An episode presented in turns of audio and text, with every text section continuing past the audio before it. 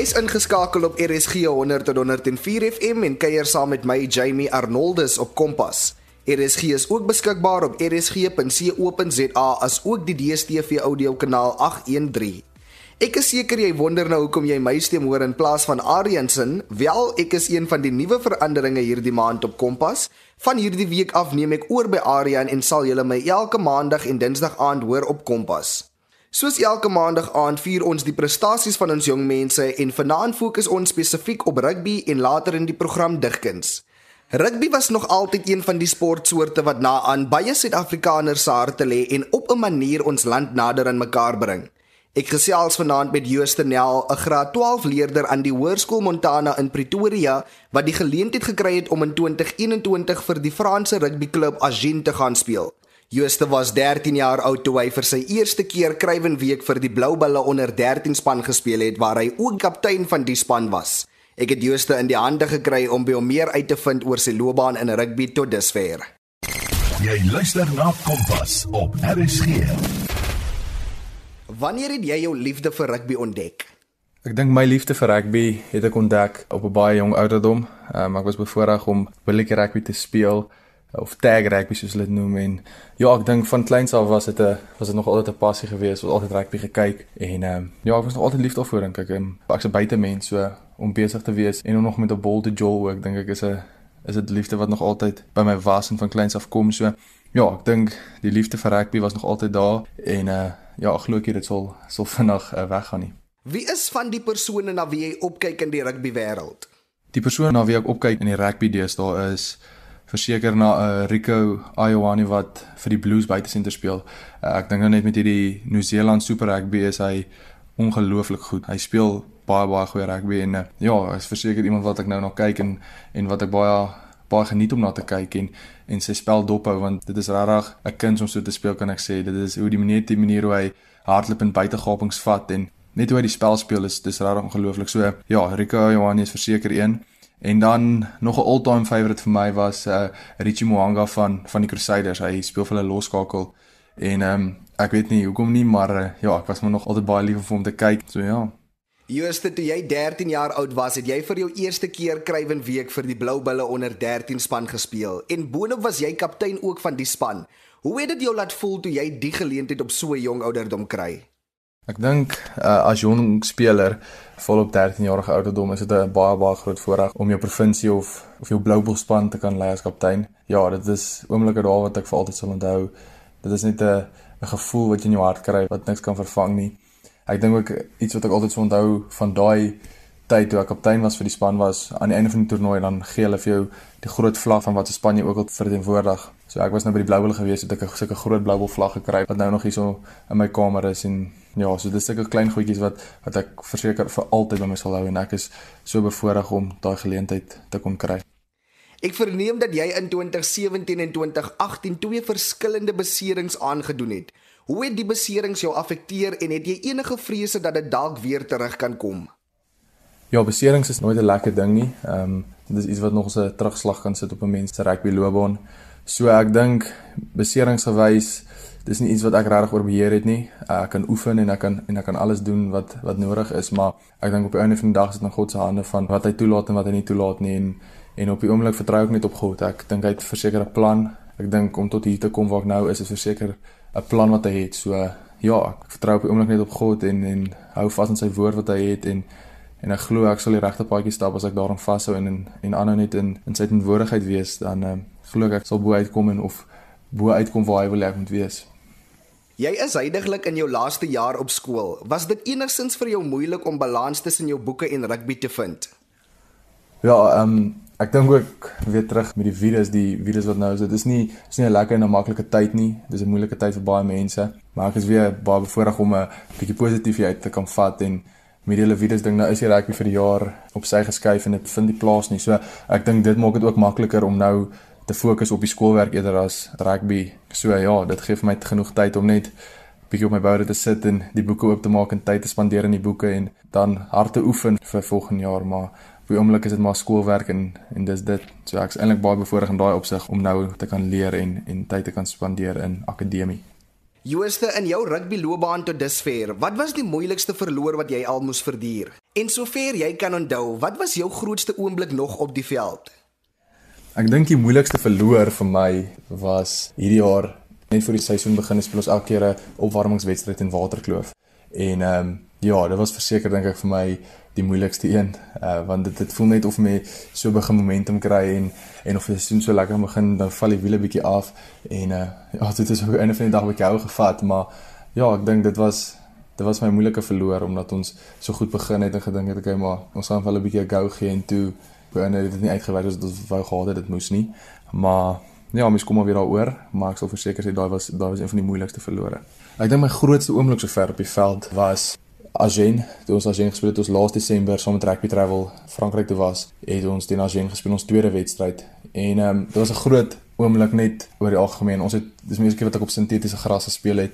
Dit was in die koue van Frankryk en ja, dit was maar 'n stil game geweest en Livies het net op die regte tyd besluit om om vir my 'n kans te gee en uh ja, dit dit was 'n groot oomblik vir my geweest wat ek bietjie kon trap en gaan en uh ja, en die mense het my raak gesien in daai oomblik en uh ons het drie gedruk en ons het gelyk op gespeel op die einde. So daai was verseker vir my 'n groot oomblik wat wat Livies net vir my 'n gaping oopgemaak het en ek hom gevat het en ja, dis iets wat ek verseker altyd sal onthou.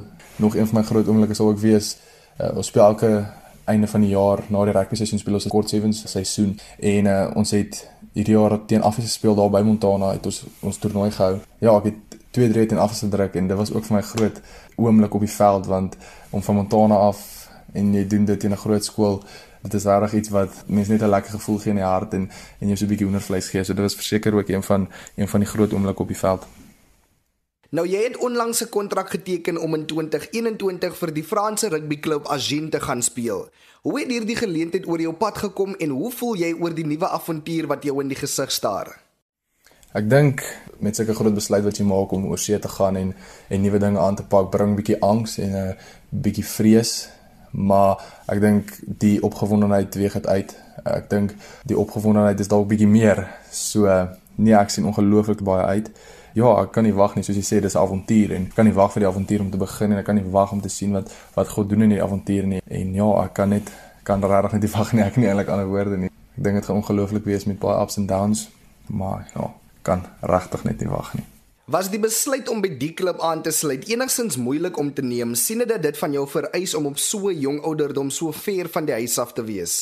Ek dink die jong ouderdom speel 'n rol, veral om so jong ouderdom weg te gaan. Maar ja, ek dink dit gaan dit gaan moeilik wees. Ek is baie huisvas, ek is baie ma vas.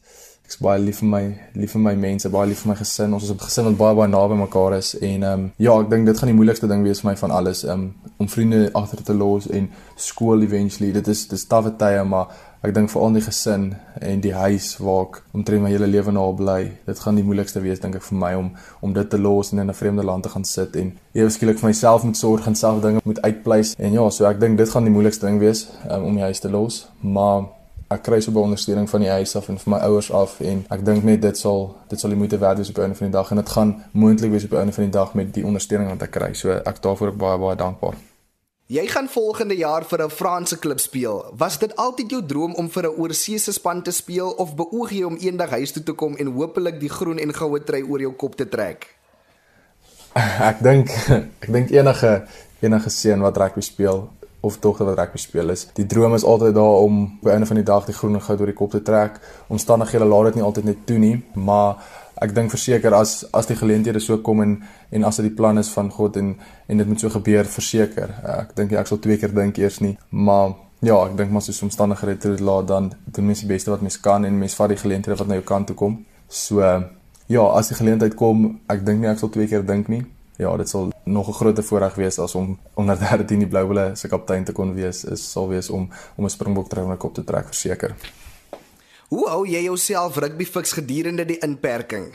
Ek is baie bevoorreg om 'n om 'n goeie kondisioneringscoach by die skool te hê wat nog steeds help. Sy skryf nog steeds programme vir my en help my nog steeds om te oefen. Ons het daarom so 'n klein gym, kan ek maar sê, home gym hier so by die huis wat wat baie help nou deur die tyd en dan gaan gaan draf ek maar bietjie en gehardloop bietjie ja, kry die hartloop bietjie op en laat die sweetjies bietjie tap. Maar ja, so dis maar al wat ek nou kan doen. Dis is maar die beste maak van 'n slegte situasie. Ek het daarom iets waar baie mense niks het nie. So ek werk maar met dit en ja, ek probeer maar stiek by 'n by 'n rotine dat ek nie uit rotine gaan nie. toe ons nog op full lockdown was, was dit bietjie moeilik, maar ek moet sê van dat ons nou weer by die skole is en so werk dit bietjie om net weer in rotine te kom en en aan die gang te kom, mens voel duidelike verskil. So ja, daaroor is ek baie baie bevoordeel. Nou Jooste, ek weet dis 'n baie sensitiewe area om na te beweeg, maar ek gaan dit waag. Watter spanne ondersteun jy plaaslik of internasionaal? ja, is altyd 'n sensitiewe saak, maar nee, ek ek dink ek sal maar altyd 'n bil bly. Ek het al probeer verander en uh Ja, maar dit gaan maar altyd kom altyd terug na die bulle toe. Ek weet, weet mense het baie opinies daaroor. Ja, maar ek dink ek sal maar altyd 'n bil bly. Uh andersins is dit maar maar die Blues wat nou baie baie goed speel. Ek is maar een van daai persone wat as 'n span goed speel, hou ek van hulle. En ehm um, ja, so nou op die oomblik is die Bulle en die Blues, albei B's ehm um, ek geniet baie om om die Blues nou te kyk. Hulle speel ongelooflike rugby en uh ja, ek sien uit om te sien wat hulle doen in hierdie Nieu-Seelandse Super Rugby. Ja, soos ek sê, die Rico Johannes speel ook daarso. een van spelers wat ek nou baie na opkyk. So, dit sal verseker hulle ook wees wie ek nou ondersteun. Wat is jou raad aan jong mense wat droom om ook eendag 'n loopbaan in rugby na te streef en wat was jou geheim vir sukses tot dusver? Ek dink my raad aan jong mense nou, dis nou 'n baie onsekere tyd, so dis ek dink dit is partykeer moeilik om raad te gee, maar ek dink my resep om te kom waar ek vandag is en dit klink vir baie mense so klise, maar dit is dis absoluut nie. Dit is dis vertrou op God. Ek dink ek sou verseker nie gewees het as ek nie op God vertrou het nie. Dit is 'n dit is 'n proses wat mens leer moet gaan. Dit is 'n proses van vertroue wat jy absoluut dit in God se hande moet los en net moet vertrou en ek dink dit het my gebring waar ek vandag is om om te besef dat dit gaan nie oor my nie, dit gaan nie oor wat ek wil hê nie, dit gaan nie oor dis my drome wat ek wil najag. Jaard is, maar op die einde van die dag is dit is dit God se wil wat geskied en nie myne nie en 'n sy koninkryk wat moet kom in die myne nie. So ek dink dis my ultimate ultimate resep is ehm um, laat God se wil in jou lewe plaasvind, laat sy wil gebeur in jou lewe. Laat toe dat dit gebeur en en nie jou eie nie en dan dink ek net sal almal amazed wees oor wat God kan doen in hulle lewe. So, dit is verseker my wen resep en ek kan nie wag om te sien wat God nog in my lewe kan doen en ek kan nie wag om te sien wat wat God doen as ek in Frankryk is nie en ek sien regtig ongelooflik baie uit. Jy luister na Kompas op RSG. Dit dan Justinel, 'n graad 12 leerder aan die Hoërskool Montana in Pretoria wat onlangs 'n kontrak losgeslaan het om in 2021 in Frankryk rugby te gaan speel wat saam met ons op Kompas gekuier het. Ek is Jamie Arnoldus, Kompas se nuwe aanbieder op Maandag en Dinsdag en ek hou jou nog geselskap hier op RSG 100 tot 104 FM. Vanaand in Kompas vier ons die prestasies van ons jong mense en alles wat hulle al bereik het. Voor die breek het ek gesels met Justinel, 'n graad 12 leerder aan die Hoërskool Montana in Pretoria wat in 2021 by die Franse rugbyklub Agen aansluit. Digkuns was nog altyd een van die mees kreatiewe maniere hoe digters uitlating aan hul emosies gee. Iemand wat al op 'n jong ouderdom haar merk in die wêreld van literatuur en digkuns maak, is Carmen Wid, 'n digter van Pretoria wat ook 'n geesteswetenskappe student is aan die Universiteit Stellenbosch. Op 10-jarige ouderdom toe Carmen in graad 4 was, het sy 'n opstel van 7 bladsye geskryf wat eintlik veronderstel was om slegs 1 bladsy te wees. En dit was met daardie opstel waar die jong skrywer haar liefde vir letterkunde ontdek het. Ek het met Carmen gesels om meer uit te vind oor haar prestasies. Jy luister na Kompas op RSG. Vertel ons meer oor wie Carmen Wid is. Hallo Jamie, dit is so heerlik om vandag met jou te kan kuier. Sjoe, dit is 'n gewigtige vraag vir 'n 19-jarige. Wie is ek? Wel, ek sou myself eerstens beskryf as 'n dromer, dan 'n digter en 'n skrywer. Ek was nog altyd so lief vir woorde. Letterkunde is sonder twyfel my passie en ek het voorreg om my woorde met mense te deel op 'n baie toeganklike manier oor sosiale media. My digtersloopbaan, as ek dit so kan noem, het 5 jaar terug op my gedigteblad op Instagram begin, Weggooi Gedagtes.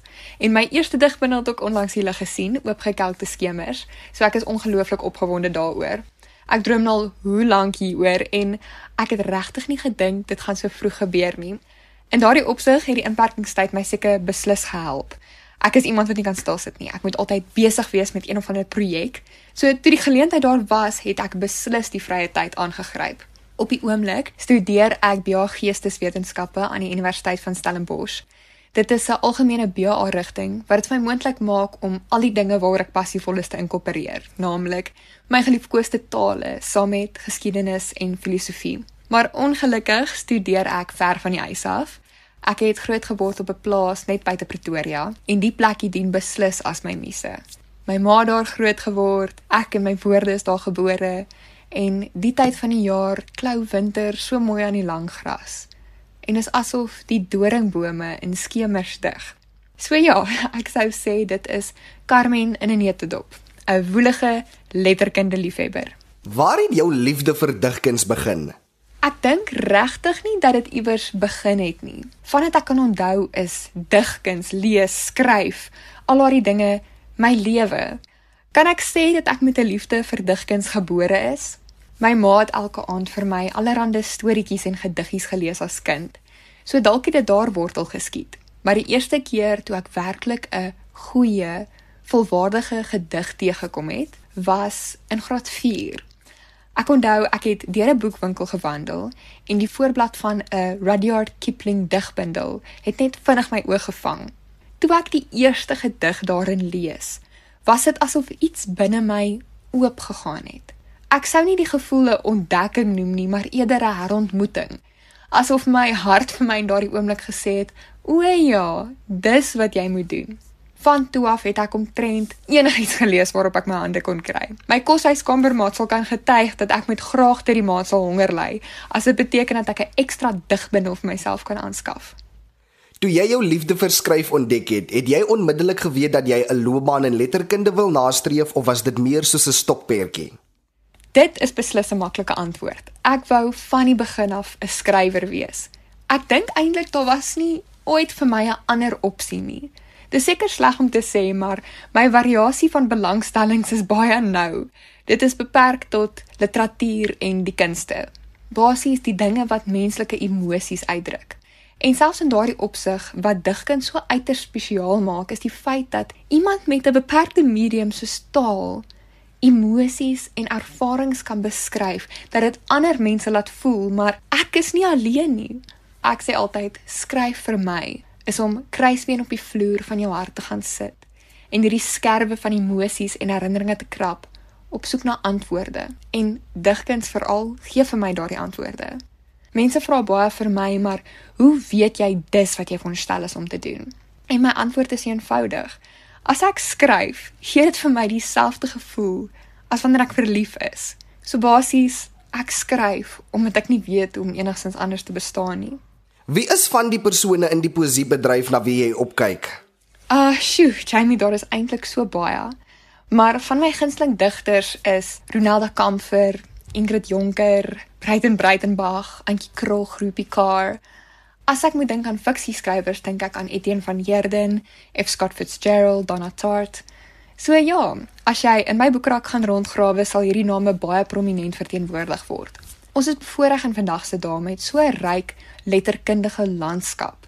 En die moderne digters en skrywers gee my hoop vir nie net die literatuurwêreld nie, maar vir Afrikaans. Dit is eintlik ongelooflik hoe mense met taal kan toer. Toe jy 12 jaar oud was, was jou eerste roman gepubliseer. Was dit iets wat jy baie lank aan gewerk het en hoe het dit gebeur dat die geleentheid op jou pad gekom het? Ja, Ella Goue Liefde was my eerste roman. Ek kan eintlik nou nog nie glo dat ek die voorreg gehad het om op so 'n jong ouderdom my eerste boek te publiseer nie.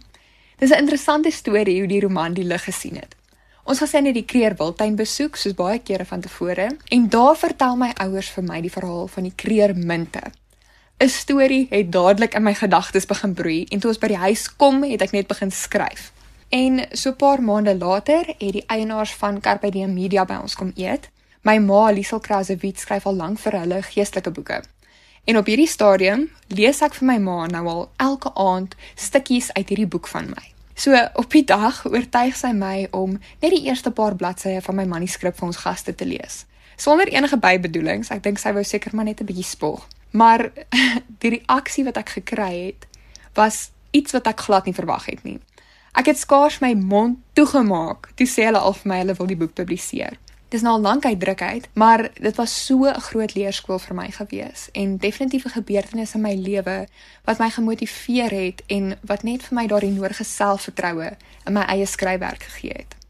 Carmen, jy het op Instagram 'n blad getiteld Weggooi gedagtes wat meer as 33000 volgers het. Vertel ons meer oor die inhoud wat jy op die blad deel.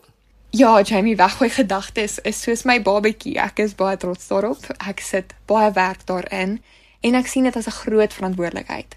Die feit dat ek die voorreg het om met soveel mense my woorde kan deel op 'n daaglikse basis, is iets wat ek nie lig opvat nie. So die tipe inhoud wat ek deel kom regtig uit my hart uit. Die stukke wissel tussen langer gedigte en korter skryfstukkies. Ek is iemand wat lief is om te skryf oor verwondering en menslike stories. Daarom handel meeste van my temas oor liefde, gebroke harte, die natuur, onreg wat hartseer kweek. En my volgers sal beslis vir jou kan sê dat ek vreeslik graag skryf oor die skemer en sonsondergange. Maar oor die algemeen kan jy verwag om stukkies van my hart, my verstand en my lewe op die blad te kry. Jy het verlede jaar ook besluit om jou skryfwerk nie net op papier of sosiale media aan mense bekend te maak nie, maar ook op verskeie goedere soos penne, notaboeke, koffiebekers en so voorts. Ek sal graag wil weet wat daardie idee ontlok het.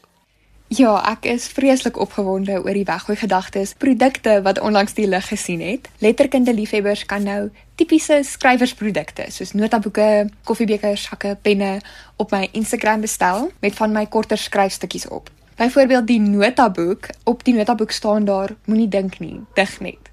Op die koffiebeker is daar in suurskrif gedruk koffie en digkuns en die sak het een van my gewildste skryfstukke op. Alle mense is kunswerke. Sommige is net skilderye en ander digkuns. Die idee het eintlik saam met die ontstaan van die digbundel en die gedigteblad gekom. Ek as skrywer en leser is vreeslik lief vir mooi notaboeke, koppies en penne en sommer net dinge wat my liefde vir literatuur reflekteer. Ek het egter vinnig besef dat daar 'n groot opening in die Afrikaanse mark is vir hierdie tipe produkte. En my ma sê altyd ek is 'n groter entrepreneur as wat ek dink ek is. So ja, so het my liefde vir woorde en my onvermoë om te kan stil sit hande gevat. Carmen, jy is 'n baie besige dame. Ek verneem dat jy ook as vryskut rubriekskrywer werk. Hoe vind jy balans tussen al die dinge waarby jy betrokke is en jou studies? Jamie, dit is 'n goeie vraag. Ongelukkig het ek nie een of ander wenresep om met jou te deel nie. Ek doen waarvoor ek lief is en as jy dit doen dan maak mens mos maar tyd vir alles. Ek sal baie keer vroeg opstaan of laat gaan slaap en um so aan skryfstukke werk en tyd maak vir alles en die middag dan uitsit vir my studies. Maar dit voel nooit vir my soos werk of 'n skedule nie. Ek was nog altyd opgewonde om tyd tussen woorde te spandeer. Jy het in Junie vanjaar jou eerste digbundel vrygestel. Vertel ons meer oor wat in die digbundel verskyn. My digbundel Oopgekalkte skemers is iets waaroor ek baie opgewonde is. Ek droom al hoe lank daaroor om my skamelike digterlike pogings in druk te sien. Oopgekalkte skemers is 'n bietjie anders as tradisionele Afrikaanse digbundels omdat dit nie net vollengte gedigte bevat nie. Dit wissel ook af tussen korter skryfstukke en langer gedigte. Van my werk wat al op weggooi gedagtes geplaas is, kom ook in die digbundel voor, maar daar is baie nuwe werk wat ek nog nie op my blad gedeel het nie. En ek het regtig probeer om met hierdie debuutbundel te fokus daarop om kwesbaar te wees want ek dink dit was iets waarmee ek nog altyd gesukkel het om waarlik my diepste emosies bloot te stel aan die publiek en dit met my lesers te deel. So dit was 'n proses, maar ek kan eerlik sê my hele volle hart is in hierdie digbundel. Mense kan dit bestel deur my Instagram bladsy weggooi gedagtes. Jy luister na Kompas. Dit dan Carmen Wid, 'n digter en skrywer van Pretoria wat saamgeklets het op Kompas. Carmen was ook die 2018 wenner van die FAK se internasionale Afrikaanse Expo as ook die ontvanger van die Bloemfontein Skrywersvereniging se Poesieprys. Met haar groot liefde vir skryf en die pad wat sy al reeds vir haarself uitgetrap het op so vroeë ouderdom kan 'n mens net uitsien na wat nog voorlê vir die jong skrywer. Nou ja, so het ons dan nou tot die einde gekom van vanaand se Kompas program. Dankie dat jy ingeskakel het. Indien jy enige iets in vanaand se program gemis het of net weer na dit wil luister, kan jy dit gerus gaan potgooi van ons webwerf rsg.co.za. Al wat jy moet doen is om na potgooi toe te gaan en dan onder K vir Kompas te soek. Kompas is aan jou gebring in samewerking met SABC Opvoedkunde. Percy Mogale was ons regisseur en die program is ook voltooi onder leiding van Sherifa Swarts. Kompas is môre weer terug wanneer ons lewenswetenskappe hersiening gaan doen, maar tot dan, bly veilig.